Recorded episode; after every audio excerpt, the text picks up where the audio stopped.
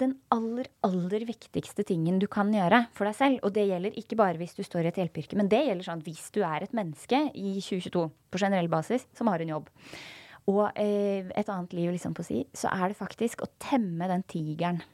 Og selv klare å lære kroppen hva som er liksom fornuftig stress, og når skal du skru av den stressknappen.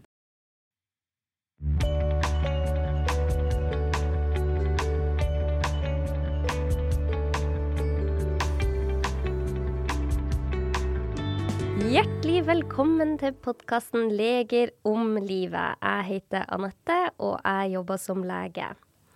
I dag så skal vi snakke om et veldig bra tema. Og det er et tema som jeg tror angår veldig mange. For i dag så skal vi snakke om utbrenthet. Og med meg er jeg så heldig å ha lege Elin Høie Østrem. Hun er lege i spesialisering i onkologi på Ullevål sykehus. Og hun Jeg prøvde å fiske litt ut eh, hvem hun Elin var, og da skrev hun denne fine teksten til meg. Hun sa at hun var en typisk lege à la 2022. Veldig flink og profesjonell. Alltid et svar og en løsning. Hun har superkapasitet, er blid, tar lederansvar, både løper og trener styrke, og er en god venn og vertinne med et stort sosialt nettverk, som er opptatt av samfunn og litteratur, og i tillegg ser pen ut, helt uanstrengt. Hjertelig velkommen, Elin. Tusen takk. tusen takk. Hyggelig å være her. Det der hørtes veldig uanstrengt ut. Veldig uanstrengt. Ja, ja, ja. Det er det er ikke bare bare å være lege i 2022, med andre ord. Nei, det er jo ikke det. Og det er jo litt derfor jeg kommer hit. For å snakke litt om eh, det her. For man tenker jo, ikke sant. Det er jo det, eh, kanskje litt arrogant av meg, men det er jo det jeg tenker at folk tenker om meg. Fordi det er jo akkurat det der som jeg tenker om alle mine kollegaer. ikke sant? Shit, de har alt på stell. ass. De fikser det, dette ja. livet. De, de, klarer absolutt alt. Og det blir høye krav å sammenligne seg med, da. Så tenkte jeg ja, ja, da spiker jeg lista der oppe, og så ser vi litt med den podkasten her sånn Hvordan er det egentlig? Ja. Ja, for at det der kjenner jeg meg så igjen i. Man ser på de rundt seg. Man ser på venninner og venner og kollegaer, og så tenker man åh, de ser ut som de får til livet på Altså, det ser så lett ut. Ja, det ser så lett ut. Og så sitter man der hjemme og sliter og har masse stress og føler at eh, livet er ganske vanskelig av og til. Ja, og så når man for en gangs skyld tar seg en pause, ikke sant? så går man inn på Instagram, så scroller man litt, og så får man smelt i fleisen nok en gang. Så ja, stemmer det. Ah, de er jo så gode. Ja ja, jeg får bare sucker up, og så får jeg være like god sjæl. Ja. Hvordan går det egentlig, sånn på langen? Hmm, og særlig ikke sant, når du jobber i hjelpeyrkene, sånn som vi sånn som vi og veldig mange nordmenn gjør. Eh, hvordan har man det egentlig på Langen med seg sjæl og de rundt seg? Det er derfor jeg er så glad, Elin, for at du er her i dag. Fordi at eh, vi stiller jo veldig høye krav til oss selv. Mm -hmm. Og så eh, kan det ofte være sånn at man stiller litt høye krav til de rundt seg òg. Mm. Og særlig i omsorgsyrker så er det jo Det er jo ganske tøft til tider. Mm. Og du har jo holdt et foredrag nå i eh, overalt. Hvor er det du holder foredragene? Det er vel eh, på nett for det meste nå for tida, eller? Ja, nei, vet du, nå så har det vært pandemi. Ja. Sånn at eh, det som skjedde, var at eh, hvis vi spoler liksom helt tilbake til hvordan jeg kom inn i det her i utgangspunktet, fordi utbrenthet er jo på en måte, ikke sant, eh, litt sånn i hvert fall for leger litt sånn tabubelagt. Ja. Eh, man snakker ikke helt om hvordan man har det. Man snakker veldig mye om hvordan pasientene har det, og de menneskene rundt seg, men seg selv, det, det, sitter litt langt inne. Men det som skjedde, det var at helt, helt i starten av karrieren min, når jeg nettopp hadde fått lisensen min ikke sant? Når du studerer medisin, så blir du nesten ferdig, fem år, og så får du lisens. Da får du lov til å begynne å jobbe som lege, da. Mm. Og det gjorde jeg på nevrologen på Drammen sykehus. eller lå der helt aleine midt på natta kom inn en pasient i akuttmottaket eh, som hadde vondt i brystet sitt, og var meldt med nevrologen av en eller annen rar grunn. Hvorpå jeg ringte til en kollega, indremedisiner, og blei altså skjelt ut etter toner. Og jeg husker det satte seg som en sånn derre Hva i alle dager? Aldri noen som har snakka sånn til meg i livet. Eh, eh, verken Altså, ikke før. Siden så har det jo skjedd flere ganger. Mm. Men jeg husker at jeg tenkte med meg selv mens jeg satt liksom på det rommet og ringte bakvakta mi og grein, så tenkte jeg sånn herregud, sånn skal jeg aldri bli. Ja. Sånn skal jeg aldri snakke til en kollega, liksom. Nei. Men så trenger vi jo ikke å fast forward noe mer enn liksom en to, tre, fire år, hvor jeg gikk indremedisinske vakter i Østfold.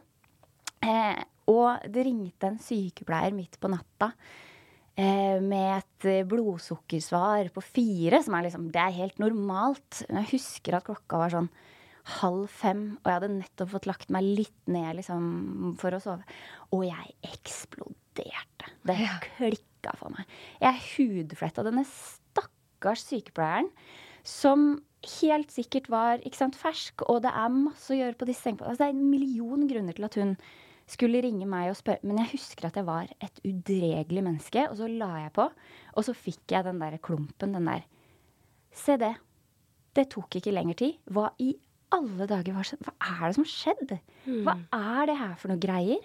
Og da hadde jeg på en måte vent meg litt til og det, det skal sies Østfold, veldig hyggelig sykehus, men jeg hadde vent meg til litt sånn hard tone. ikke sant? Når du ringer kollegaer, du får ofte Du blir litt sånn Stilt litt mm. i vegg, så du må være veldig forberedt. Og det føler deg litt, litt dritt innimellom, fordi man har en omgangstone som kan være litt tøff. da. Hva er det greiene her for noe? Er vi sånn? Um, og så sammenfalt det med at jeg var på en hyttetur med broren min som også er lege, fantastisk fin fyr, hadde med seg en bok. Og det er den boka som jeg tar veldig mye utgangspunkt i. Ja. En bok som heter 'Smitta av vold' av Per Isdal. En eh, eh mann som jobber med eh, har jobba med voldsdømte menn i mange mange år, som plutselig liksom fant ut at ah, shit, her har det skjedd noe med meg. Eh, og som handler om nettopp det der med utbrenthet. da, Og særlig liksom fokusert inn på utbrenthet i hjelpeyrkene. Og broren min sa sånn, vet du hva, den her må du lese. For, altså, det forklarer alt. Og det var helt sant. Forklarte alt. Eh, og vi har mye internundervisning på sykehus, så da begynte jeg å snakke bare helt sånn innad i eh, legegrupper. Og det tok helt av. For det var helt åpenbart at det her trykka på en nerve som Altså, dette er så felles for så veldig mange av oss. Mm. Eh, og det er ingen som egentlig snakker noe om det. Mm. Og det var veldig tydelig at det var veldig mange som hadde hatt de samme opplevelsene som jeg hadde hatt, og ikke helt kjente igjen seg selv og eget reaksjonsmønster. ikke sant? Hva er det her for noe? Og det som er så fint med den boka, det er at den går inn i eh, både liksom bakgrunnen, hvorfor blir det sånn, men så er den også utrolig god på hva kan man gjøre selv? Hva er det, hva er det vi kan eh, Hvilke endringer kan vi gjøre i livet vårt? Eller hvilke liksom oppmerksomhetspunkter kan vi ha da, for å stoppe oss selv litt underveis? Og når det tok sånn av, eh, med eh, diverse foredrag eh, her og der, og jeg skulle jo på podkast, jeg skulle snakke i Legeforeninga, men så kom det pandemi. Mm. Og da ble det jo bare Alt ble jo avslutta, og her sitter vi to år seinere, og jeg vedder på, og vi har sett masse sykepleiere ikke sant, i media som er slitne. Ja det er jo ikke sånn at vi er mindre slitne her eh, to år inn i dette. Så jeg tenker nok at å snakke om det her nå er jo kjempeviktig. Mm. Mm. Det er det. Det er kjempeviktig, og jeg er så glad for at du har engasjert deg i temaet og prøver å være til hjelp. Mm. Fordi at det, dette er et så stort tema, og jeg kjenner meg så godt igjen i din historie. Mm. Hvordan man, man jobber så hardt, og man gjør så mye som går litt sånn på akkord med seg selv. Eh, fordi du må hele tida ha et svar, du må ha en løsning, du må være til hjelp. Du er kjempestressa, du har mm. altfor mye adrenalin kro i kroppen gjennom dagen. Mm. Og man blir eh, mer utålmodig med de rundt seg mm. når man bare går på autopilot i dette systemet da, mm. dag etter dag. Mm. Og det å bare stoppe opp og bli bevisst på hva er det som skjer i min kropp? Hvordan har det vært å være meg i mm. denne jobben? Og det er jo ikke bare helsepersonell, det er jo i veldig mange yrker. Mm. Hvordan er det å være meg så stressa over så lang tid? Hva gjør det med meg? Mm. For den personen som hudfletter deg, har sikkert sagt det samme til seg selv for 20 år siden eller 10 år siden, at mm. sånn skulle han eller hun aldri bli. Mm. Og så er, sitter man der og er helt på randen mm. og gjør det samme med noen andre. Og jeg syns bare det er så modig av deg å fortelle denne historien. Ja. Og da må vi gå inn på For du snakka om dette med utbrenthet. Mm. Hva er egentlig utbrenthet? Det er et kjempegodt spørsmål. Fordi eh, utbrenthet Det er veldig gøy at vi snakker om det her nå i januar 2022. Fordi fram til nå, januar 2022, så har ikke utbrenthet vært noe definert rent sånn formelt. Hvis du blir utbrent nå i Norge og går til fastlegen din, så eh, er det fornuftig å bli sykemeldt for en periode. Men fastlegen din har ikke noe formelt altså i det der, eh, diagnostiske systemet vårt ICD-10, som vi bruker i Norge nå i dag, det har ikke noe eh, diagnose å sykemelde deg på. Må finne på et eller annet. Fordi utbrenthet i seg selv er på en måte ikke noen eh, fastsatt definisjon. Men det blir det nå. WHO har jo vedtatt i nye eh, kodesystemet ICD-11, som sikkert kommer til å ta noen år å implementere, mm, så kommer eh, utbrenthet som en faktisk definisjon. Og det er bra. Det er bra to ting. Det ene er at da er det faktisk mulig for oss å finne ut av hvor utbredt er det her? Hvor mm. mange er det som sliter med dette og lider av dette i forbindelse med arbeidsplassen sin? For dette er arbeidsrelatert, ikke sant. Mm. Det andre er at det kan nok hjelpe på å få bort det tabuet det er. Mm. Fordi hvis du snakker i en eller annen gruppe om at du er utbrent, da blir man jo litt sånn Ja, men er du ikke bare litt, er du ikke bare litt sliten? Er det er ikke, hva er dette for noe, egentlig? Men det det kommer Altså det WHO definerer det som nå, da, det er på en måte sånn derre eh, trearmet syndrom som går på tre forskjellige ting. Det ene er eh, emosjonell utmattelse. Og så har man det andre som er depersonalisering. Og så har man det som heter redusert eh, selvopplevd jobbytelse. Og så er det ikke sånn at jeg går rundt på jobben og kjenner sånn du, nå begynner jeg å kjenne på litt grann begynnende depersonalisering. eh, så det jeg tenkte at jeg skulle snakke om eh, på den podkasten her, det er jo litt sånn ja, men hva kjenner vi inni oss sånn egentlig? Ja. Men det dette liksom tre, trehodede syndromet eh, går ut på, det er jo, ikke sant Når man står i høy arbeidsbelastning over lang tid, gjerne over flere år, Eh, både liksom fysisk, men også emosjonelt, som også hjelpeyrkene eh, står i, så eh, begynner man å kjenne på at man mister litt taket på seg selv etter hvert. Og det går på det der med at i møte med emosjonelt krevende situasjoner så kjenner man sånn at jeg orker ikke. Jeg klarer ikke. Jeg orker ikke mer. Mm. Og så handler det om det med depersonalisering. At man begynner å se på de som man eh, behandler, da, eller de man omgås, eh, klienter, som hva er dette for noe nek, liksom? Man begynner å se ned på de, og begynner å eh, tenke på de som ikke de menneskene man er, men litt mer som en sånn der håpløs gjeng. Mm. Eh, og det tredje der med re redusert selvopplevd eh, jobbytelse, det er rett og slett at du kan Én ting er at du faktisk kan bli dårligere på å utøve jobben din når du blir så sliten. Det andre er at selv om du eh, kanskje klarer å opprettholde kvaliteten på jobben din, så føler du selv at vet du hva, jeg strekker ikke til lenger. Liksom. Jeg blir dårligere og dårligere. Jeg vet ikke hva Dette, dette funker ikke lenger. Mm. Um, ja. Det var veldig bra. Hva var det du kalte det første? Emosjonell utmattelse. Emosjonell utmattelse. Emosjonell utmattelse. Nei, eh, det var veldig bra at du går litt mer i dybden på de tre, fordi dette tror jeg mange kjenner seg igjen i. Mm. Og når man får så mye på seg selv, og man, ikke, man, man klarer ikke Kommer det én ekstra e-mail, liksom, bare mm. én mail, eller bare én person som gir deg en til oppgave, så mm. renner det over. Mm. Det tror jeg mange Jeg tror mange har det sånn, faktisk, mm. ja. i perioder. Og bare det å, å vite at dette er ikke bare jeg som har det sånn, men det er flere mm. som har det sånn. Og jeg så jo gjennom eh, Mayo Clinic sine eh, definisjoner på utbrenthet, og det var mange spørsmål man skulle gå gjennom. Har du sett det, den? Nei. Nei. Nei. Og da var det jo Det siste spørsmålet var Kjenner du uforklarlige smerter? Mm. Rygg, F.eks. ryggsmerter. Mm. Og vi tenker jo på utbrenthet som bare noe rent psykisk. Mm. Men det er vel ikke bare det? Kan ikke du forklare det litt? Mm. Ja, det er kjempe eh, Det er kanskje en liksom hjørnesteinen som gjør at i hvert fall mange legekollegaer har skjønt sånn ah. Og det er fordi dette her Altså Samme hvor flink man er, samme hvor eh, stor kapasitet man har, så har vi alle sammen en kropp. Vi er mennesker. Og fysiologien bak det her er vel så viktig som psykologien bak det her. Mm. Og da er det, det, er, eh, det er tre ting som eh, står fram som årsaken til at man blir sliten eh, over, over, tid. Og eh, det første, det er vi er alle sammen mennesker. ikke sant? Vi er et resultat av mange, mange å, Jeg er dårlig på sånn evolusjonspsykologi, men eh, mange, mange tusen eh, år med evolusjon. Ja. Og hjørnesteinen i det å være menneske er å være et sosialt vesen.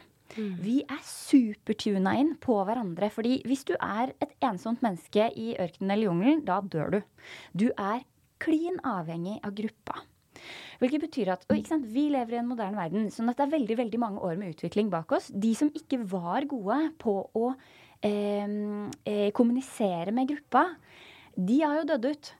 Vi har noe som heter speilnevroner som handler om at når jeg ser et smilende menneske Altså bare prøv det selv. Veldig gøy. Smil til tilfeldig menneske på gata nå når vi er ferdig med munnbind, forhåpentligvis veldig snart. Mm.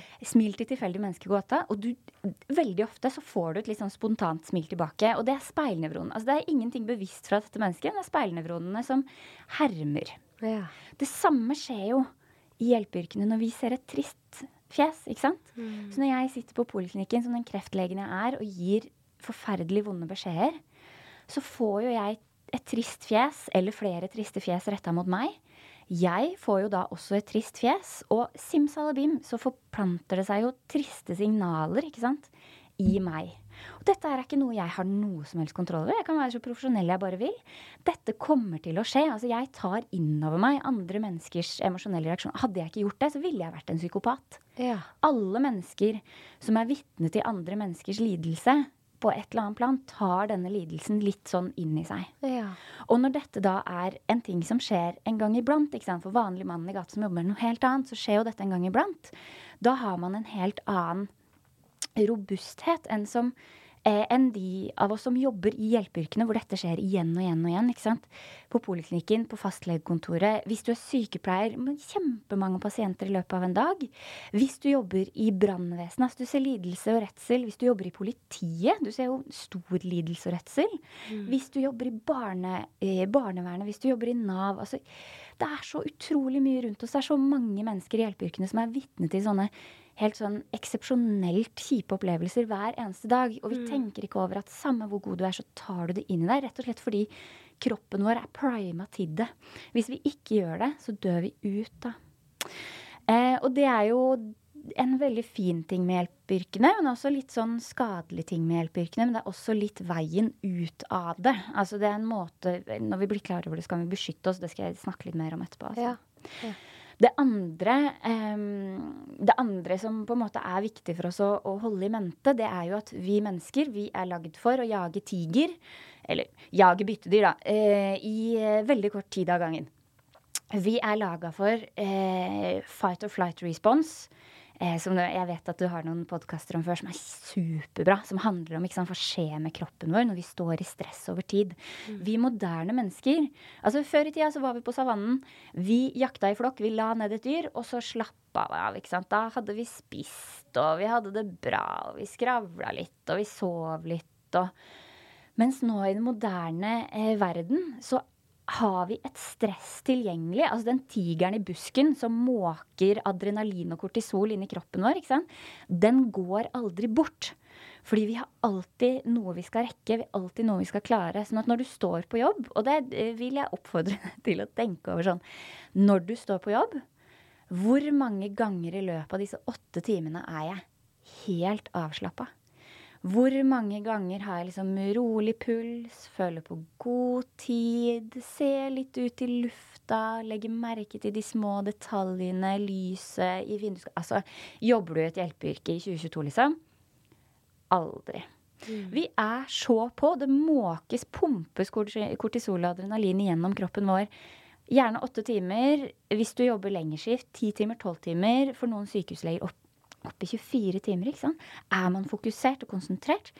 Og det det gjør med oss rent fysiologisk, er jo blodtrykket går opp, skuldrene går opp, og man får de der fysiske reaksjonene, den der diffuse smerten. Mm. Veldig mange får problemer med fordøyelsessystemet. Mm. Man får pro eh, problemer med seksualdrift, seksuallyst. Man klarer ikke å komme ned. da. Mm.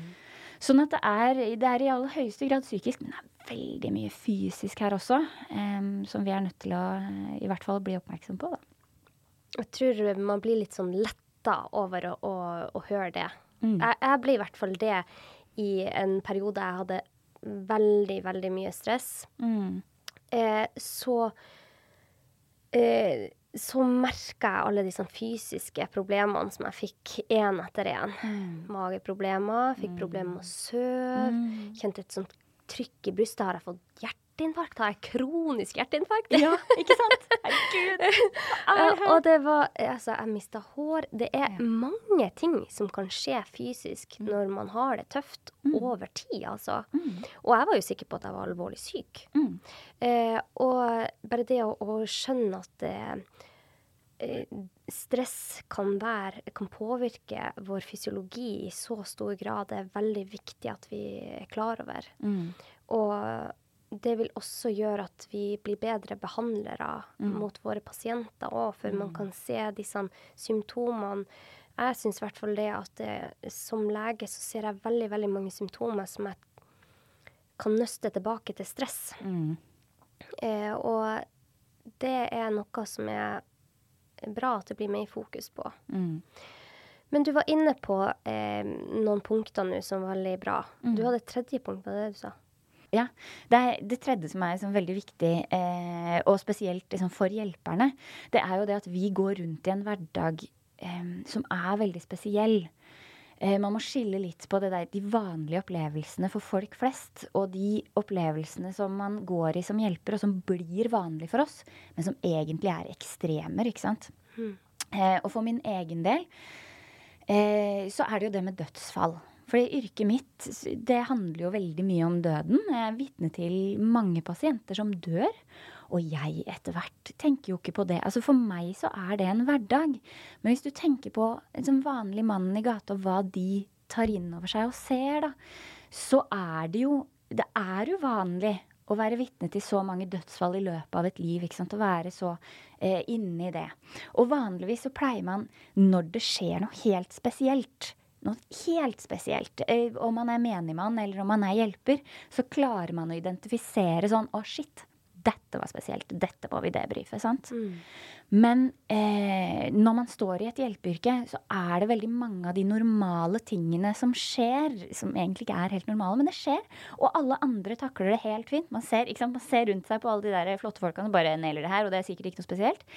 Men det er viktig å vite at på Langen så tar de spesielle inntrykkene De sliter mye mer på oss enn de helt ekstremene som vi faktisk klarer å stoppe opp med. Og Per Isdal har et veldig fint bilde på det her i denne boka, som er nettopp det at hvis du er en stein, da, eh, så er disse dagligdagse, litt sånn ekstremene, de er som en vanndråpe som drypper på den steinen igjen og igjen og igjen. Du merker ikke så mye av de der og da. Du er profesjonell, du klarer dette, dette er hverdagen din, liksom. Dette er jobbhverdagen. Men på Langen så kommer det til å komme et søkk der. Det kommer til å bli en, en svakhet og en skade, da. Med mindre man er oppmerksom på også disse små tingene som vi tenker på som hverdagslig, men som egentlig er litt sånn menneskelige ekstremer, da. Mm. Ja. Det var et veldig godt bilde på det. Mm. Og det, det, det, det var litt pussig at du eh, nevner det nå, for at i går så snakka jeg med en eh, bekjent av meg om døden, og så spurte hun meg hvordan er det å se et menneske dø? Mm. Og nå har jeg jobba ti år som lege, og jeg har jo sett det noen ganger. Så sa jeg første gangen det skjedde, mm.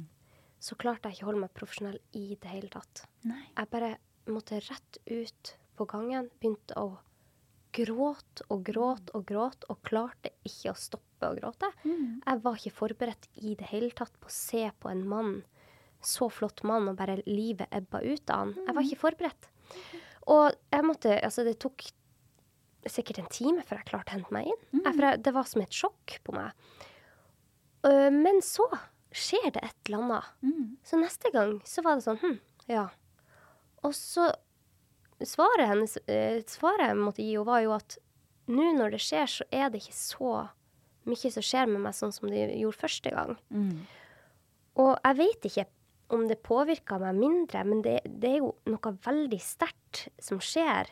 Som jeg tenker, er det normalt at jeg ikke mm. Skal jeg ikke begynne å gråte hver gang? Mm. Men man må jo tilpasse seg miljøet, og det Ja, det skjer jo noe med oss, særlig vi i hjelpeyrker. Mm. Vi, vi, reagerer annerledes med tida. Mm. Og det skremmer meg egentlig litt òg. Mm. Ja. Jeg er helt enig med deg. Det er et uh, tankekors uh, Jeg har lagt merke til med meg selv at jeg sant, Før så blei jeg veldig sånn rørt av uh, videoer, f.eks., eller filmer med alvorlige temaer, eller Mens nå så er det bare sånn Ja, video om Altså en film om en kreftsyk pasient, på en måte, og deres endring av perspektivet på livet og sånn. Det, det går meg helt hus forbi emosjonelt. Og det er jo det er jo én ting ved det som er Jeg skjønner at dette her er reaksjoner som jeg trenger for å klare å ha den jobben jeg har. fordi hvis man går helt i kjelleren hver gang, da, da klarer man ikke dette. Men det er også noe som er Det er viktig for meg å være bevisst de tingene der, da. Mm. Hva som faktisk har skjedd med meg, og, og ikke bli på en måte avflata og eh, fjerna fra meg selv eh, i de nære relasjonene jeg har, f.eks. Og dette her er jo litt det der som jeg snakker om med den derre eh, første i definisjonen av utbrenthet. Den derre emosjonelle utmattelsen. Mm. For det er, det er, litt den som kommer til syne. Og det er helt greit, det. Altså, veldig mange av oss går rundt i hverdagen med på en måte en, en form for grad for utbrenthet hele tida. Altså, eh, man blir påvirka av den jobben man gjør. Og jeg tenker ikke ikke, altså jeg tror det er en utopi å tenke at vi alle sammen skal gå og se en rundt i livet i arbeidshverdagen og ikke kjenne litt på det. Men det, det som er med utbrenthet, det er jo at det er det området før alvorlig psykisk lidelse, på en måte. Sånn kan, det er et ganske langt spekter, og så kan du være litt sånn Du kan være litt mer sliten, og så kan du være litt mindre sliten, og så kan du være litt mer sliten. Og så kan du leve et godt og fint liv i den gråsona der, og du bestemmer selv ikke sant, hvor sliten orker jeg å være. Altså hvor, eh, hvor mye orker jeg å la dette gå utover hverdagslivet mitt. Ja. Um, og så kan man justere litt underveis. Men det som, eh, det som, jeg tror, eh, og det som jeg tenker er veldig viktig å komme fram til, er jo det at hvis du lar det gå for langt, ja. så er jo denne utbrentheten den er jo et steg ned til de mer alvorlige psykiske lidelsene, som angst og depresjon, som man ser ofte kommer etter. Og det er jo eh, veldig alvorlig å få stoppa opp før man kommer dit. fordi da er, man da er man jo plutselig nede i sykdom, som er mye vanskeligere å få gjort noe med, og som krever mye mer av oss, og som er mye mer skadelig. sant? Mm. Ja, for jeg føler òg at det er en viktig del av hvert fall min rolle som lege, mm -hmm. er at jeg ser pasienten min, og jeg klarer å være der i laget de. Eh, men av og til så er jeg jo redd for at det går for mye utover meg selv. Mm. Fordi at jeg er en person som, og det er sikkert mange som kan kjenne seg igjen i det, er en person som tenker mye på det, får mm. veldig vondt i meg. Jeg kan kjenne det med smerte. Mm. Ikke sant? Det, mm. Det, det, der er vi jo veldig forskjellige, men jeg bare er en sånn person. Mm. Og da har jeg tenkt mange ganger Når blir det for mye, og hvordan kan jeg gjøre det sånn Legge til rette jobben min som lege sånn at jeg ikke bruker for mye av min egen energi. At ikke det ikke tar mer energi enn det gir meg. For det gir meg også utrolig mye av pasienter. Mm. Ja. Eh, det som er, er at eh, det er jo veldig, veldig mye som vi kan gjøre selv. Eh, men nå har vi kommet til den delen hvor jeg tenker sånn ah, Før vi går, dit, går dit, for det er egentlig en eh, veldig veldig sånn spennende del av dette foredraget, ja. eller denne samtalen. Men før vi går dit, så er det liksom viktig å snakke om sånn, hvordan skal vi oppdage at jeg selv er litt sånn på vei ute, at jeg begynner å bli litt frynste. Ja. Før, før, det mm -hmm. så har jeg lyst til å spørre deg. Hvor vanlig er utbrenthet? Ja! Åh, hvor vanlig er utbrenthet? We don't know. Og det handler om det der med at det er ingen, det er ingen diagnosekode. For leger så er det jo dessverre sånn, og det er også en av grunnene til at jeg syns dette er kjempeviktig å snakke om. fordi for leger, vi er skikkelig, skikkelig dårlige på vår egen psykiske helse. Mm. Sånn at det man vet for leger, er jo at leger tar livet sitt. Ja, det vet. Hvis du er kvinnelig lege, så har du dobbelt så høy risiko for å ta livet ditt sammenligna med en annen tilsvarende utdanna kvinne i Norge i dag. Og det er, jo, det er, jo, ekstremt. Vi ligger jo helt på toppen. Samtidig så er det et paradoks, ikke sant. Fordi eh, eh andre eh, dødsfall hos leger Altså vi har jo lavere dødelighet totalt sett. Fordi vi er flinke folk, ikke sant. Vi er sunne, vi vet hva vi skal gjøre for å holde oss, i, holde oss unna hjerte og kar og alt det der. Um, og så er det også dessverre sånn at eh, selvmordsforsøkene er veldig lave. Og det er fordi leger vet akkurat hva de skal gjøre, og de får det til på første forsøk. Og de roper heller ikke om hjelp. Altså det er, man snakker ikke om hvor ille man har det. Og en annen ting man har, har statistikk på, er jo sant, det der med rus. Eh, som er mer utbredt enn man skulle tro eh, hos leger. Og folk er generelt dårlig til å spørre om hjelp. Og jeg har, sant, for i og med at dette her er selv, veldig mye av dette her er selvopplevd, jeg har kjent ordentlig godt på shit, her har jeg dundra i veggen. Eh, har jeg fått hjelp av det som heter eh, Villasana på Modum Bad.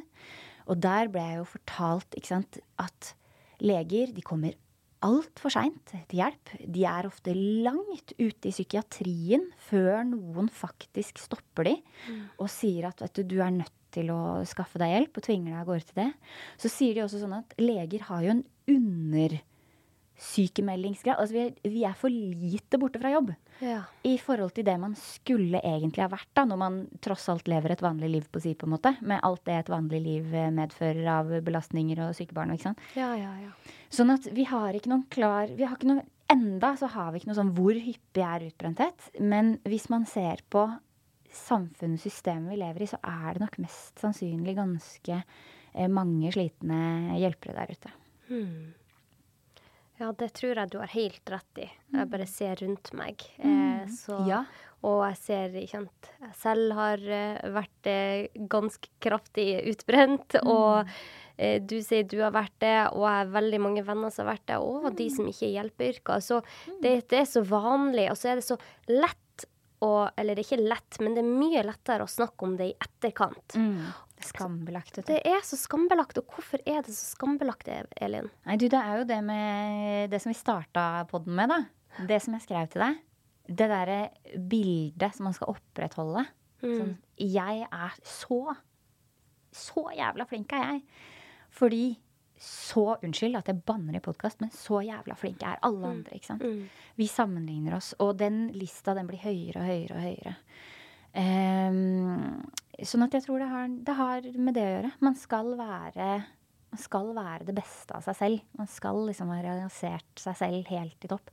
Og det å ikke takle det, og kjenne at, man, at det vakler, det er kjempeskummelt. Og det hjelper ikke av at ikke sant, det er skambelagt, og at det er få som snakker om det. Mm.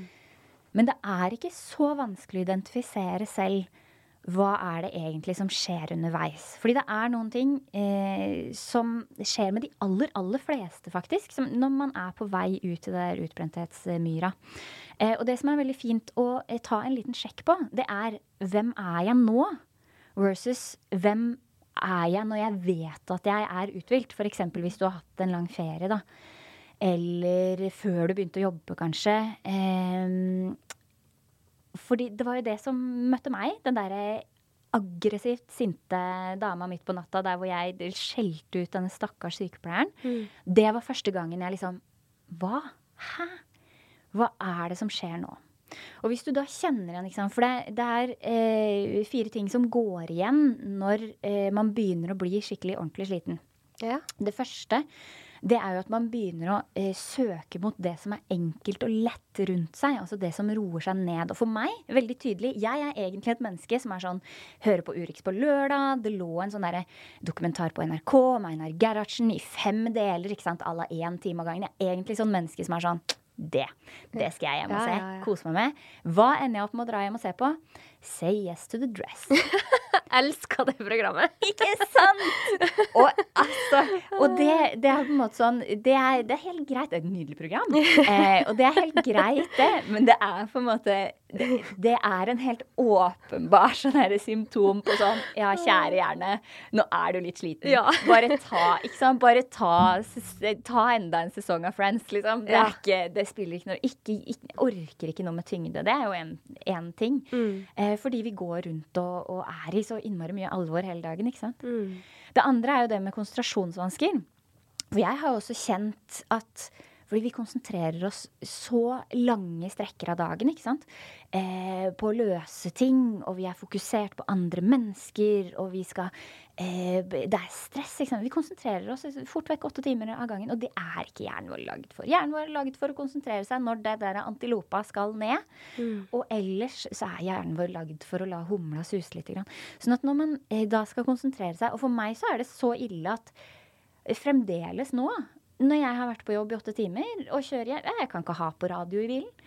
Fordi jeg er for sliten. Jeg orker ikke å konsentrere meg om det de snakker om. Selv om det bare er sånn mikk-makk i bakgrunnen. Mm. Hjernen min trenger Den trenger å bare ikke være fokusert på noe. Mm. Um, og det er også, ikke sant, hvis du merker at du sliter med å konsentrere deg om bøkene du har lyst til å lese, eller konsentrere deg om den samtalen kanskje venninna di har opplevd noe, og du merker at hjernen liksom flyr, det er et tegn på eh, at nå har du hatt en dag eller en uke eller noen uker eller noen måneder eller kanskje noen år hvor det har vært litt travelt. Mm. Det tredje er jo, og dette her kjenner sykehuspersonalet seg veldig godt igjen i, det, liksom, det nikkes og humres. Og det handler om det med unngåelse. At vi er eh, Når man er sånn overvelda, så orker man ikke flere arbeidsoppgaver. Og for en sykehuslege så går det veldig mye ut på sånn Burde dette, denne pasienten Hallo, den skal jo ikke til meg. Den skal til lungemedisin. Eller den skal mm, til nyre. Mm. Eller er ikke dette en kirurgisk problemstilling? Liksom? Og kirurgen bare nei, nei, nei. Nei, nei, nei, den skal ligge hos deg. og så ringer det noen fra legevakta, og så sier de sånn Men jeg har ringt Nå har jeg ringt slagvakta, og jeg har ringt nevrologen, og jeg har ringt geriateren, og nå ringer jeg deg, og det er ingen som vil ha den. Og det er jo ikke fordi vi er drittfolk. Det er fordi vi er så slitne at hvis vi kan slippe å forholde oss til denne ene pasienten så er det veldig deilig. Mm. Og så, ikke sant Kjære sykepleier, kan ikke du ringe denne pasienten for meg, for jeg orker ikke. Ikke sant? Mm. Det kjenner man seg igjen i. Og det, det, er fordi vi orker ikke enda mer i forhold til det vi holder på med. Mm. Det bikker over, da, det plutselig. Det bikker over. Ja. Og det her er veldig vanlig. Veldig mm. vanlig. Eh, og så er det den siste som er liksom man begrenser krevende stimuli, da. Litt sånn som ikke sant, det sies i yes dress. Og det der med sosial tilbaketrekning. Fordi når du er et menneske i et hjelpeyrke, så er det veldig mange mennesker rundt deg hele tiden som krever ting av deg. Både praktisk sett og medisinsk sett, men også eh, emosjonelt sett. Så det mange kjenner på, er at eh, venner og familie Altså man hviler alene. Eh, venner og familie kan være veldig veldig fint å ha, men det er mange som kjenner at hvis det blir noen utfordringer f.eks. på hjemmebane, eller du har en venn som trenger noe ekstra, som sliter, så kan man trekke seg bort fra det. Dessverre. Fordi mm. man orker ikke enda et menneske som krever noe av deg. Ja. Mm. Okay.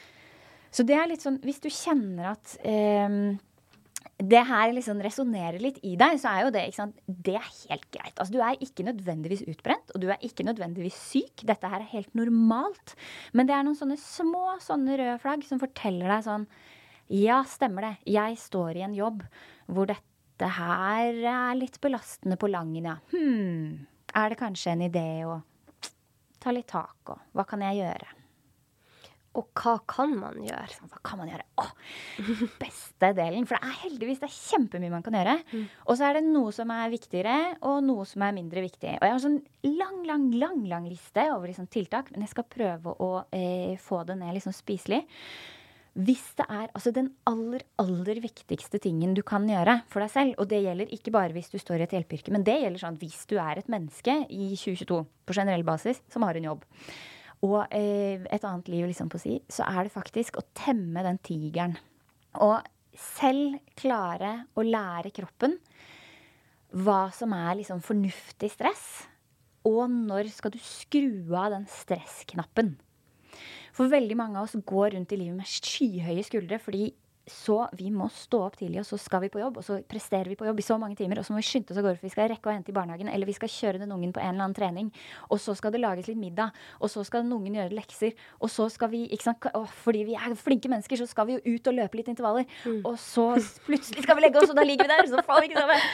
Så det er så viktig Eh, jeg hørte en sånn eh, arbeidslivspodkast som snakka om det, og da blei jeg så overraska. Fordi det viser seg da, når man ser på talla, så har vi mer fritid nå enn det vi noensinne har hatt. Mm. Men det kjennes ikke sånn ut. Fordi vi klarer ikke Vi har et høyere gir. Altså vi har eh, truende tigre i alle buskas overalt. Vi har høyere stressnivå enn noensinne før. Og det handler om at måten vi egentlig må lære kroppen vår å stresse ned på, det er sånn som dere har vært inne i podkasten, pusting. Mm. Roe ned. Bruke pusten. Puste dypt. Aktivere liksom, parasympatiske nettverket vårt med rest and digest. Dette er kjempevanskelig. Mm. Når jeg hørte den podkasten om stressmestring, og dere sa sånn så må du sette deg ned, og så må du puste ned i magen i fem minutter. Så tenkte jeg sånn Jeg har da faen ikke fem minutter! Fem minutter! Veit du hvor lang tid fem minutter er i klinisk hverdag? Eller Jesus, jeg skal både ha tissa og spist på de fem minuttene. Men så tenkte jeg altså sånn Jeg skal jo tisse og, tisse og spise, da. Eh, sånn at det er Man har sånne smårom. Det har man alltid i mm. hverdagen. Fem minutter når man sitter og tisser. Puste ned i magen. Og jeg Mitt favoritttriks som jeg har lært meg selv, og som funker som bare det, det er Jeg skjønte at hver gang den callingen går, for vi har sånn vaktcalling, ikke sant. Eller husker ja. du Wire på 80-tallet? Sånn calling i beltet. Mm. Eh, vi er fremdeles der i Helse-Norge eh, ja. i 2022. Den callinga, den piper med sånn stressende lyd. Oh, og jeg går hele tida. Å, hele tiden. Og jeg går Binyrene mine bare We're at work. Vi pumper adrenalin ut her sånn. Yeah! Jeg hiver meg på telefonen. Det er veldig slitsomt. Mm. Hei, særlig når vi går 19,5 timers nattevakter? Mm. Og så ring telefonen i tillegg. Telefonen ringer i tillegg, og så er det, sant, er det krise på et rom der borte, mm. og så mm. kommer sykepleieren, og det er krise her òg. Eh, men det jeg har lært meg, da, for jeg har fått sånn Pavlov-refleks på den, eh, den callingen, at jeg blir kjempestressa hver gang det går, ja. har måttet aktivt avlære meg det. Ja. Identifisert dette her er et punkt hvor, som stresser meg. Så hver gang callingen går nå, så tar jeg det jeg liker å kalle et øyeblikkspause. Det er snakk om syv sekunder. Og jeg trekker pusten dypt ned i magen, og så slapper jeg av i kjeven. Og så slapper jeg av i skuldrene. Så ser jeg ut som et nek, og alle kollegaene mine ler. Men så tar jeg telefonen. Og da merker jeg at For da har jeg faktisk fortalt kroppen min sånn Nei, nei, nei. Ta det helt med ro. Dette går fint. Ingenting. Ro ned det adrenalinet nå. Nå får vi på helt andre vibes her. Og så vi, og så jobber jeg videre. Å ha sånne småpunkter i hverdagen. Du sitter i bilen, mm. puste. Ta deg liksom Når du står og kler på deg jakka, bare ta deg tid til å sant, se på det lyset som kommer inn av vinduskarmen. Forankre deg i akkurat der du er der og nå. Eller her og nå, som det heter. Det er sånne av-knapper for stressystemet vårt, da. Og dette, dette er så kraftfullt mm. og så det kan, det kan, bety så mye. Det kan bety så mye. At, og, og, det syns jeg er så spennende du ser at du lærer kroppen din at det ikke er farlig. Ja. Fordi at etter turnus eh, Vi turnusleger, eh, vi alle som har vært igjennom det, vet for et vanvittig stress det er. Ja. Og jeg, fikk, jeg, ble sånn fysisk kvalm hver gang jeg hørte om en ambulanse, mm. eh, som varte i lang tid, flere år etter jeg var ferdig som turnuslege. Mm. Hvis det kom en ambulanse forbi, så bare mm. Ja, nå er det noe jeg må ta tak i. Nå må mm. jeg være til hjelp. Mm. Og jeg måtte òg avlære meg mm. det med ambulanselyden. For den, den, skapte så mye stress i meg at jeg skjønte at OK, nå har kroppen min lært seg at det var stress. Det var noe farlig som skjedde. Jeg måtte være til hjelp og bruke alle mine ressurser. Og så klarte den ikke å avlære det. Så hver gang jeg så en ambulanse gå forbi, og jeg fikk det der stressmomentet i kroppen, mm. så begynte jeg å puste. Mm.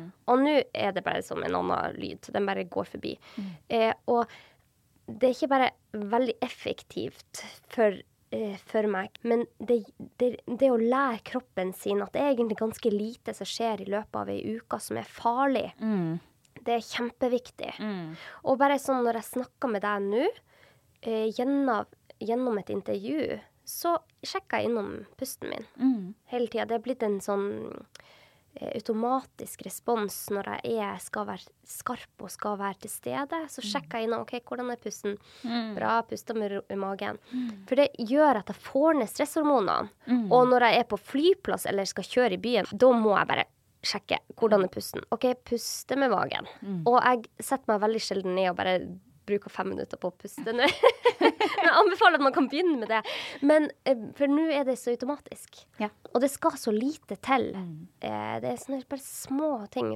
Men når man går på automatikk gjennom hele dagen og ikke sjekker innom, eh, så er det veldig lett at du hyperventilerer til Mm. tider, og at du har for høy puls, for mye stress. Kjempevanskelig, da. Det er Særlig når du har jazza deg opp eh, og måke rundt, ikke sant. Og så eh, kommer du kanskje på den podkasten her, og så husker du sånn Jeg skulle puste, og Så er det Nei, nei, nei. Nei, det skjer ikke. Men man får bare øve litt, da. Ja, man kan puste mens man gjør andre ting. Det, men det må øves på. Altså. Det er dritvanskelig. Og man faller tilbake i gamle spor ja, hele tida. Men, men det vil det er, Det har fall vært veldig til hjelp for meg, og vi ser jo på forskninga at det viser at det er kjempeeffektivt. Mm. Så det var et veldig godt uh, tips. Men nå Ja. brøyt jeg litt inn her, du må fortelle videre. Ja. Hva annet virker mot utbrenthet? Ja, fordi hvis du tenker på det som jeg snakka om med speil, speilnevroner, da. Disse nervecellene i hjernen vår som bare liksom De bare agerer på hvordan det mennesket som er foran deg, er. Så kan vi også bruke det. Fordi eh, hvis vi drar tilbake til eh, min time på poliklinikken, hvor jeg eh, overleverer veldig vonde beskjeder til en pasient foran meg som får et trist fjes, jeg får et trist fjes, jeg får triste følelser inni meg, det må jeg bare ha. Men jeg kan aktivt være klar over hva som skjer i den situasjonen. Sånn at jeg, hvis jeg da er klar over at nå sitter jeg og speiler deg, som er trist og har et trist fjes, så kan jeg også bruke min kropp til å få både meg og faktisk pasienten. fordi det er jo ikke bare jeg som har speilnevroner. Pasienten har jo også speilnevroner. sånn at hvis jeg speiler pasienten 100% hele tiden, så risikerer jeg at vi to sammen går i sånn virvelvind ned i Ja, en eller annen ja. tristesse. ikke sant? Men hvis jeg da aktivt ikke sant, Jeg ser pasienten min sitter sammensunket, så kan jeg sette meg opp og justere min liksom, holdning. Jeg ser at pasienten liksom er gråten nær. Da kan jeg bruke pusten min. Puste litt, være rolig, få sant, kontroll over min egen kropp.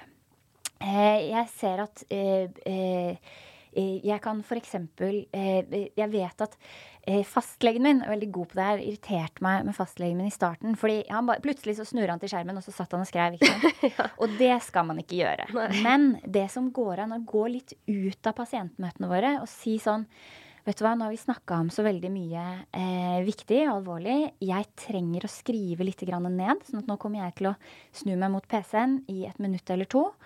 Og skrive. Og da sitter jeg der og skriver. Da er jeg veldig oppmerksom på at da skal ikke jeg sitte der med liksom tristessefjeset mitt eh, og skrive. Da skal jeg ta på meg det profesjonelle fjeset mitt. Ja. Kanskje også faktisk liksom løfte ansiktet. Fordi du vet, smiler vi, så får vi gladhormoner inni oss og gladsignaler inni oss. Og jeg er ikke sånn psykopat som sitter og sånn har gitt en alvorlig beskjed, og så sitter jeg der og gliser og er sånn kjekk og Men det går an for seg selv å bare sånn legge ansiktet i litt annerledes folder. Og sjokkerende nok, hvis man gjør det, og det går an, jeg har fått det til, å smile i vanskelige konsultasjoner og lette på stemninga i vanskelige konsultasjoner med kroppsspråket mitt, så kan også pasientene og pårørende få det ganske mye bedre. Da. Og ikke for det, man skal ned og kjenne på det vonde og jævlige livet, men eh, man kan ta pauser fra det.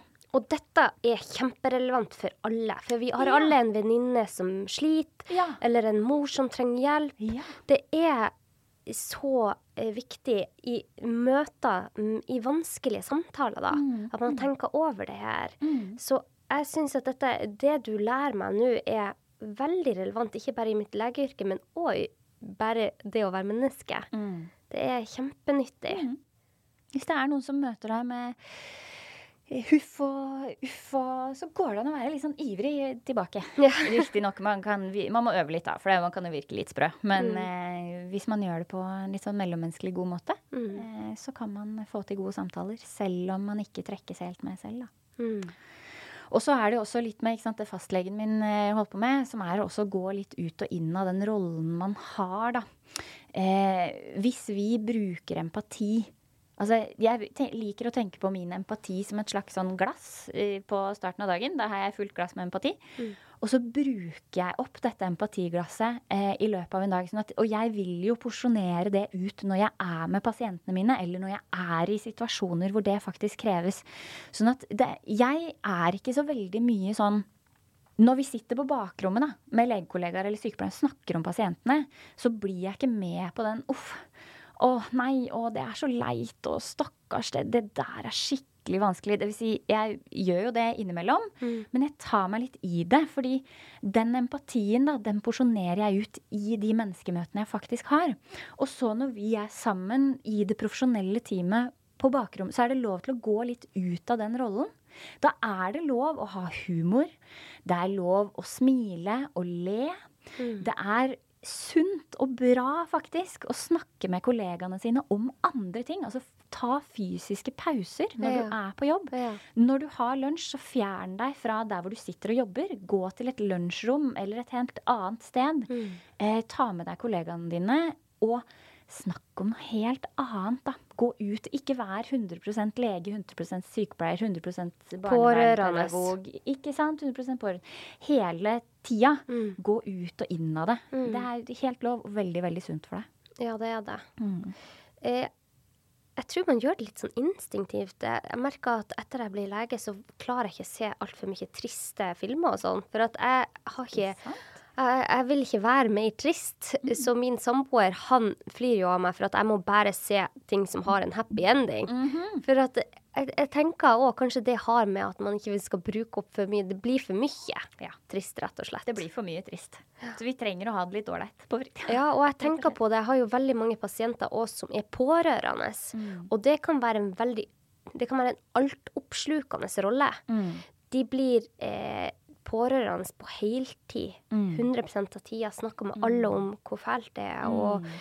og, det å prøve å komme ut av det, for ja. det er veldig belastende. Mm. Det er kjempeviktig. Ja.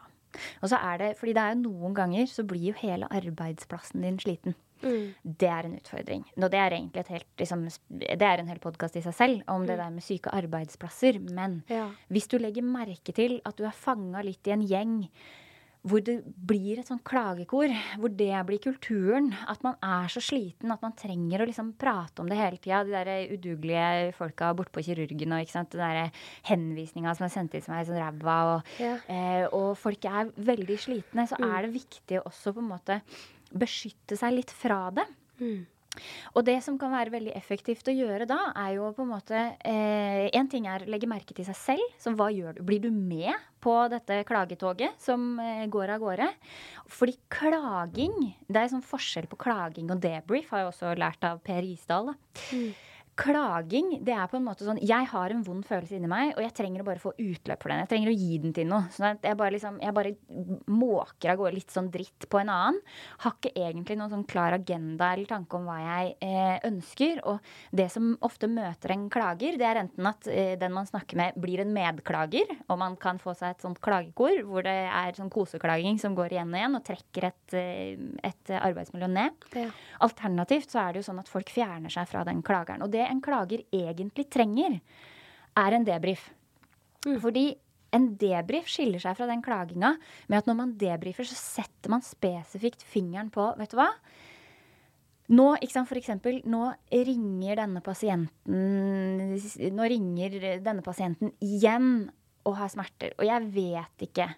Jeg, vi har prøvd en million forskjellige ting. Jeg aner ikke hva jeg skal gjøre. Jeg føler meg, liksom, jeg føler meg som verdens dårligste lege. Jeg, jeg veit da søren. Det er på en måte debrifsbehovet ditt. Da blir du møtt på sånn, vet du hva ja, men noen ganger Dette her er vanskelig. Skal vi se på det sammen, eller OK, jeg skjønner. Oi, dere har prøvd det og det. Og dette er rett og slett ikke så lett. Iblant så kommer vi oss ikke til mål. ikke sant? Mm. Hvis jeg hadde sagt det som klaging, så ville det vært sånn Nei, drittpasient, ass. Herregud. Kan du ikke bare slutte å klage, da? Ikke sant? Ja. Det er forskjellen på mm. de to.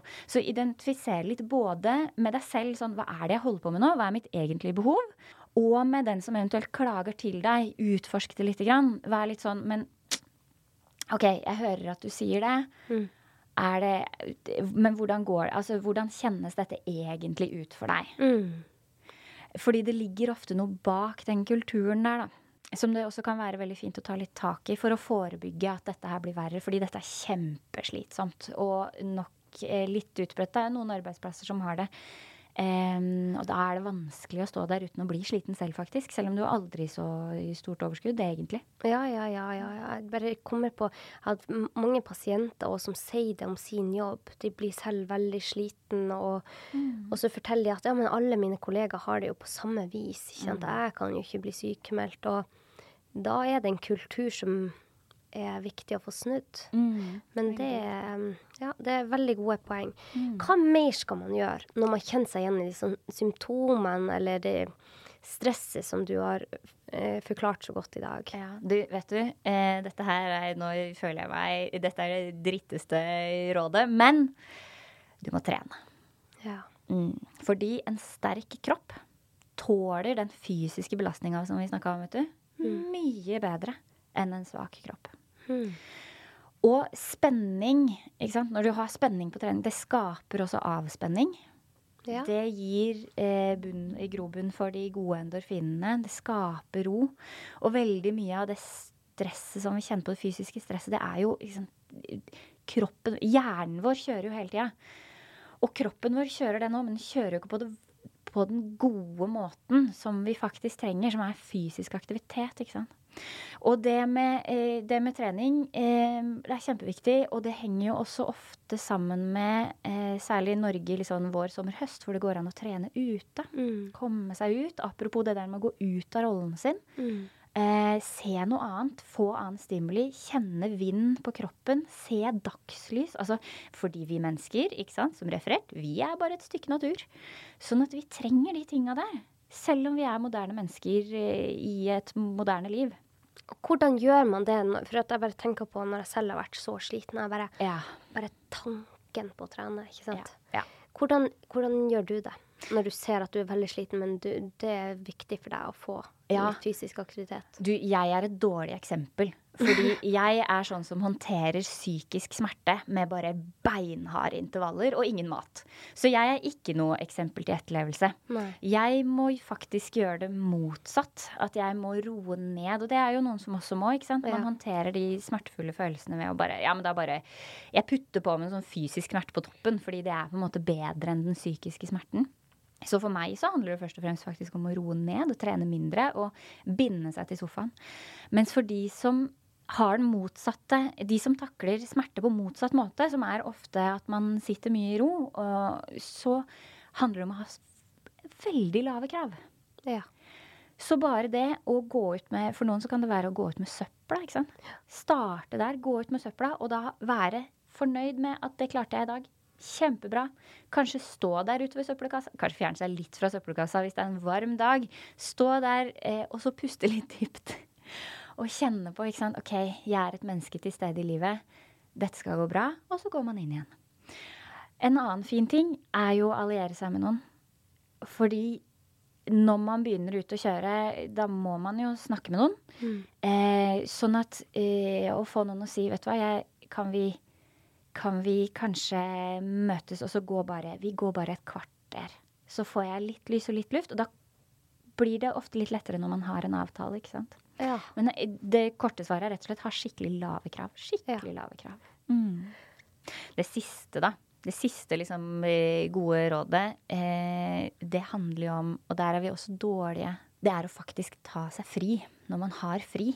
Altså ta deg fri når du har fri. Ta helg. Ta deg ferie.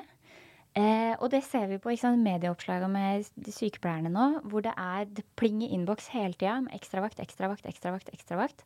Det det gjør med utbrenthetsgrad av slitenhet, det er jo en kjempebelastning. Man føler på ikke 'Å, jeg burde', fordi hvis ikke så må noen andre. Mm.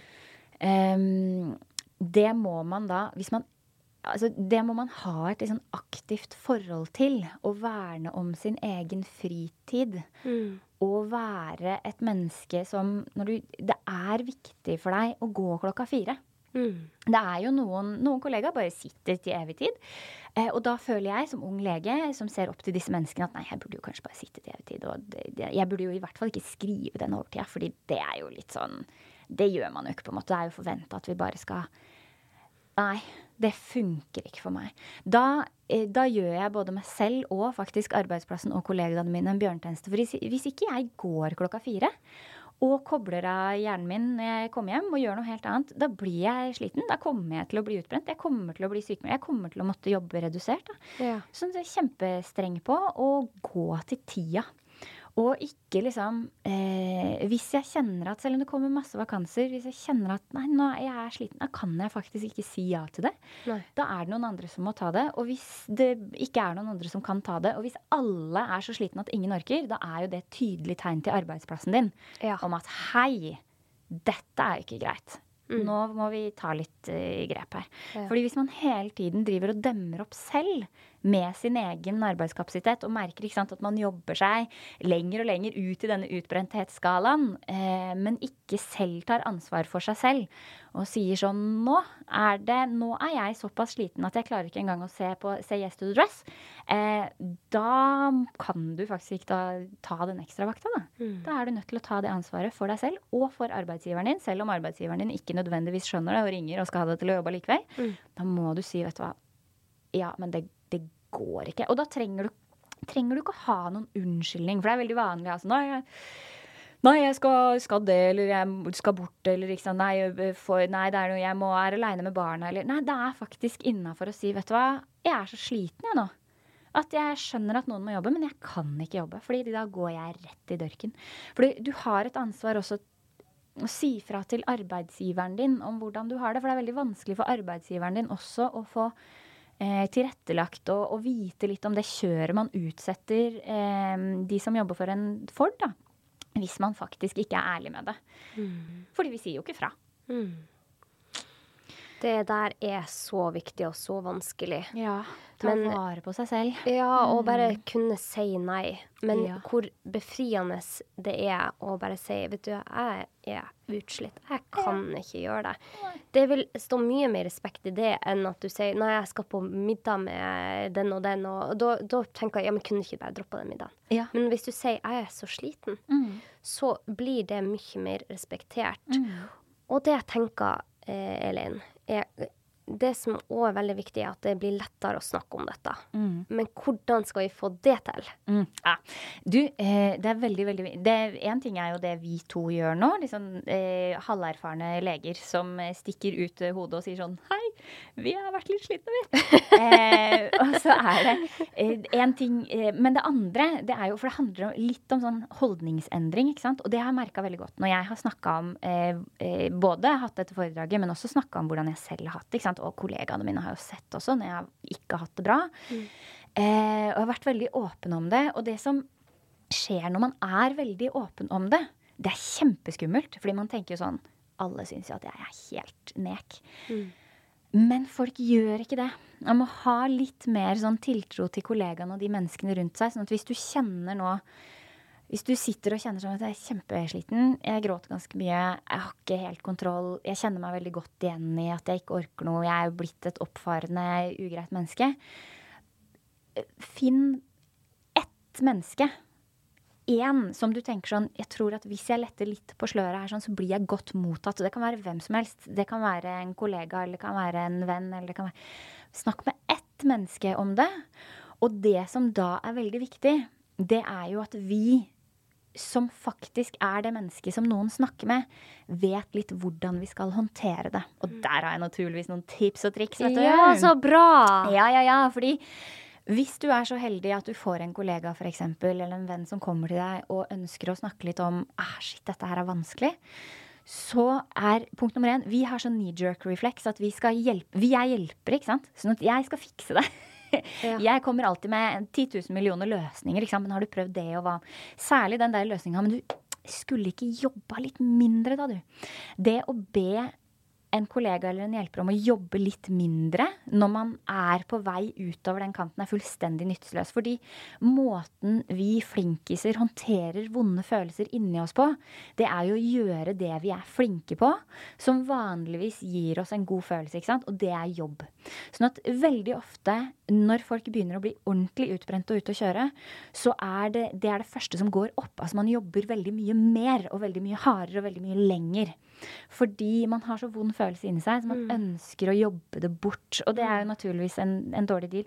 Men hvis man kommer inn og skal på en måte hjelpe og si sånn du må jobbe mindre, det, du blir ikke hørt. Fordi det er dritskummelt å jobbe mindre. Er du helt gæren?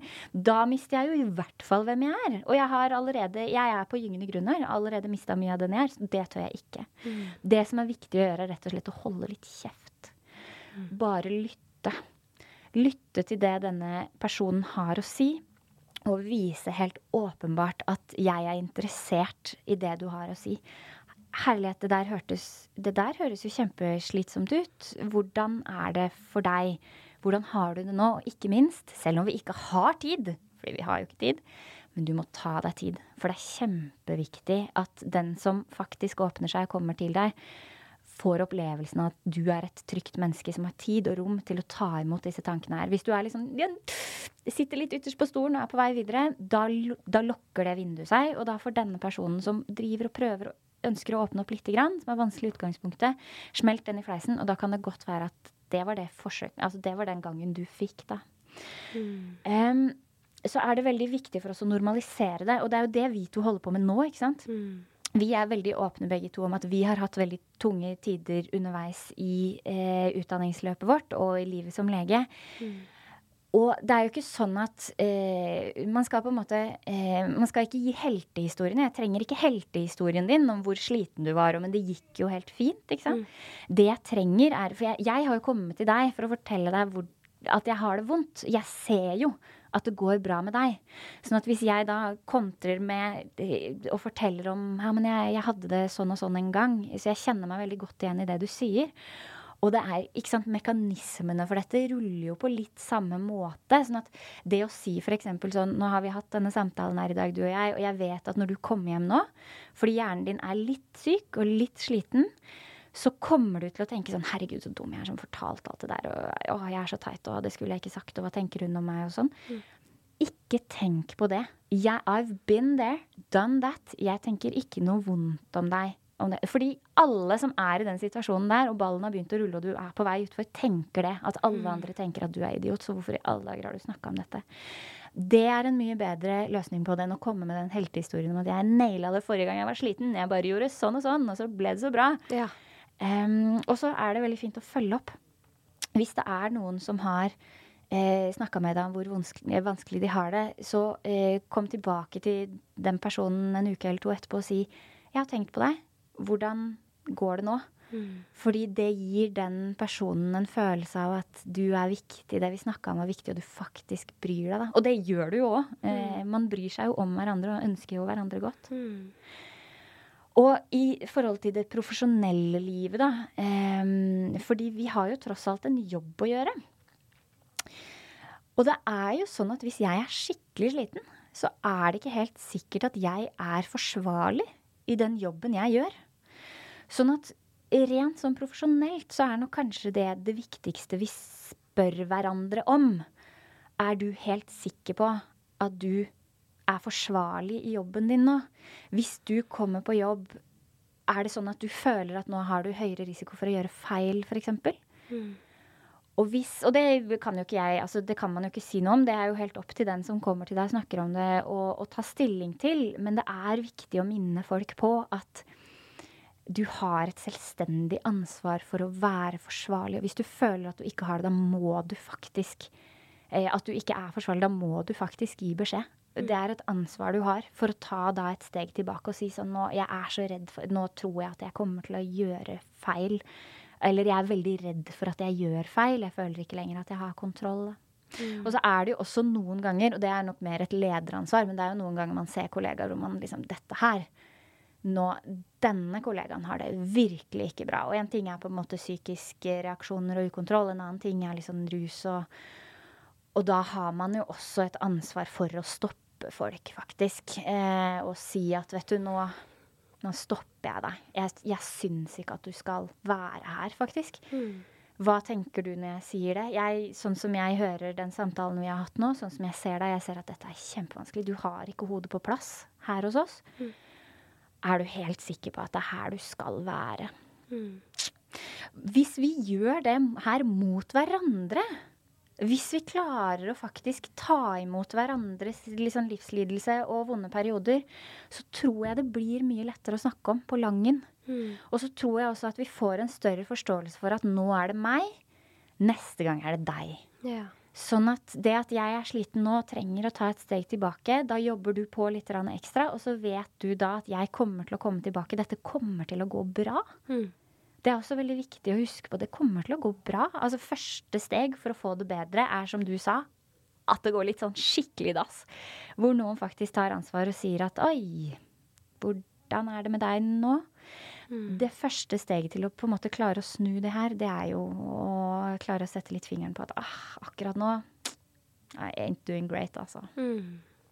Ting er ikke helt som det skal. Nei. Bare innrøm det for seg selv. Det er ja. veldig vanskelig. Ja, kjempevanskelig. Og så være litt raus med seg selv og tenke at det er det var ikke så Jeg skulle jo være supermenneske, jeg! Herlighet! Se på meg! Jeg nailer jo dette livet. Men Du nailer livet, men det er sånn her livet er, da. Vi er bare mennesker. Mm. Alle sammen. Samme hvilket yrke du har, og mm. samme hvem du egentlig er, og samme hvordan du har organisert fritida di, liksom. Så det her er en del av det å være menneske. Lære å regulere. Det syns jeg var veldig godt sagt. Og det tenker jeg Når jeg tenker tilbake hvor sliten jeg var, og hvor langt nede jeg var, så tenker jeg at det har vært veldig bra for mitt yrke som lege. Jeg føler at jeg har lært så mye av det og kan gi mer til mine pasienter. Så det har faktisk vært en styrke. Mm.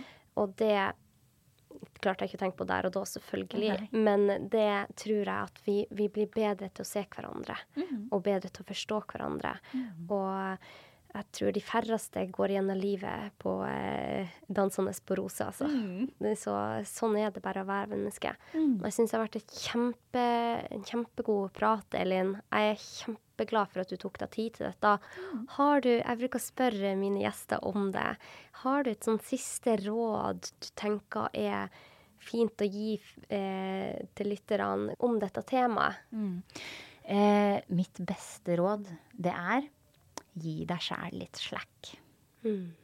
Samme hvem du er, hva du gjør. Vær litt sånn Det går fint. I dag var det Det var sånn det blei. Og sånn som meg, når jeg kjefta på den sykepleieren En grusom opplevelse. Nå i ettertid jeg har tenkt sånn Ja ja, Elin. Gi deg selv litt slack. Sånn var det. Du lærer av det her. Ikke mm. vær så streng. Mm. Det var fint. Mm. Tusen takk for at du, du ble med. Takk for at jeg fikk komme. Og hvis dere syns at dette er en episode som du tenker er nyttig for noen andre, så send den til dem, for det er sånn vi får ut den gode kunnskapen. Og hvis du har noen spørsmål til meg og Elin, så kan dere eh, skrive til meg på Instagram, og dere kan skrive til Elin på eller du har kanskje ikke Instagram? Nei. Mange av mine gjester har ikke det, så det er helt ja. lov å si nei. har ikke Instagram. Kan... er vanlig e-post. ja. ja. men hvis noen vil ha et foredrag med deg, hvor kan de skrive til deg? Du, da skriver de til meg på elin.ostrem, altså O-S-T-R-E-M, ja. gmail.com. Og det foredraget er kjempenyttig, så det anbefaler jeg varmt. OK, da eh, takker vi for oss i dag. Ha en kjempefin dag. Husk å puste med magen. you